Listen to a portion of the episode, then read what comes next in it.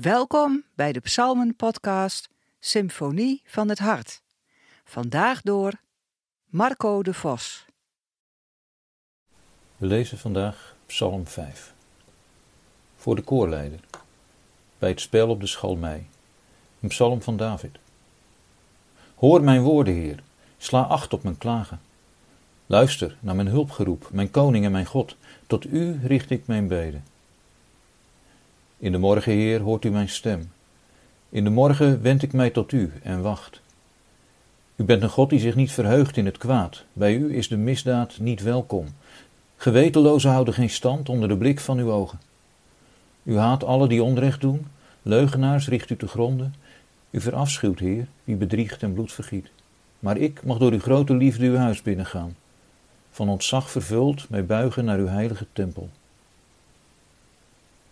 Leid mij langs mijn belagers, Heer, door uw gerechtigheid. Maak effen de weg die u me wijst. Onwaarheid komt uit hun mond, onheil huist in hun hart. Een open graf is hun keel, gespleten is hun tong. Laat hen boete, God. Laat hen in hun eigen valkuil lopen. Verstoot hen om hun grote wandaden, want ze zijn opstandig tegen u. Er is vreugde bij allen die schuilen bij u, eeuwige jubel omdat u hen beschermt. Wie uw naam beminnen, juichen u toe. U zegent de rechtvaardige Heer. Als een schild beschut hen uw genade.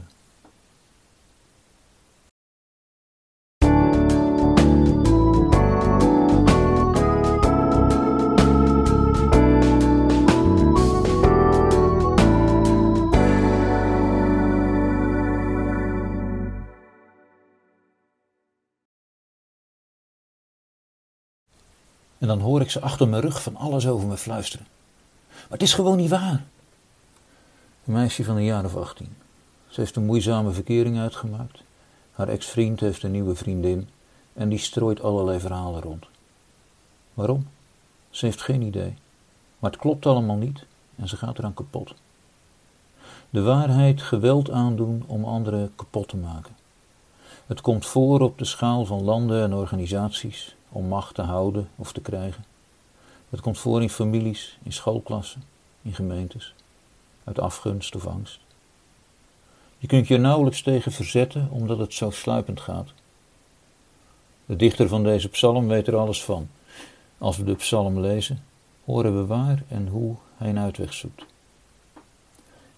Deze psalm is een pleidooi, een smeekbede aan God. Het valt in de vertaling weg, maar in het Hebreeuws zien we dat die oproep bestaat uit twee delen. Want vers 4 en vers 9, in de nummering van de MBV, beginnen beide met de naam van God. Dat is niet de normale zinsopbouw in het Hebreeuws. De psalmist geeft zo'n structuur aan zijn pleidooi. In het eerste stukje, vers 4 tot 8, zoekt hij God. Hij kijkt naar hem uit. Hij roept in herinnering hoe God is. Het kwaad en de leugen heeft bij God geen plaats. Maar zelf mag hij door Gods liefde in de tempel komen om te bidden. In het tweede stukje, vers 9 tot 11, legt hij dan zijn verzoek aan God voor. Nu zouden we misschien iets verwachten als: Heer, red mij van mijn vijanden. Maar we horen iets anders. Heer, leid mij in uw gerechtigheid. Maak uw weg recht voor mijn ogen. Waarom vraagt hij dat aan God? Omdat er mensen zijn die hem kapot willen maken door leugens te vertellen. Hij zou zomaar kunnen gaan denken dat ze gelijk hebben. En dus vraagt hij: Laat u me alstublieft zien dat ik nog op de goede weg ben. Want als ik luister naar die kwaadsprekers met hun gladde tongen, dan zink ik weg in de afgrond, in het graf. Daar vraagt deze psalm om: dat God laat zien wat de goede weg is. Het gaat in deze psalm niet om wraak. Dat laat de psalmist aan God over. Rekent u maar met ze af. En door dat gebed verandert er kennelijk iets. De toon van de psalm verandert. De oproep aan God eindigt met een oproep om te zingen. Een oproep aan iedereen die bescherming bij de Heer zoekt. Daar gebeurt iets dat we vaker in de psalmen zullen zien. Wat begint als een heel persoonlijk gebed, wordt ineens breder getrokken. In vers 7 hoorden we: Maar ik mag door uw liefde in uw heiligdom komen. In vers 11 horen we nu: Maar laat ieder Ieder die zich aan God toevertrouwt, zich verheugen. Laten we het uitschreeuwen van vreugde, omdat God ons beschermt. Zijn de kwaadsprekers dan al weg? Dat lezen we nergens. wat het verschil maakt voor David, wat verschil mag maken voor ons, dat lezen we denk ik aan het slot. God omringt ons met zijn genade. Laat van alle kanten merken dat Hij, Hij wel van ons houdt, ons waardeert. En dat omringt ons als een schild. Schild neemt de pijlen niet weg. Die worden nog steeds afgevuurd. Leugenachtig, bedoeld om te beschadigen. Maar ze raken ons niet meer.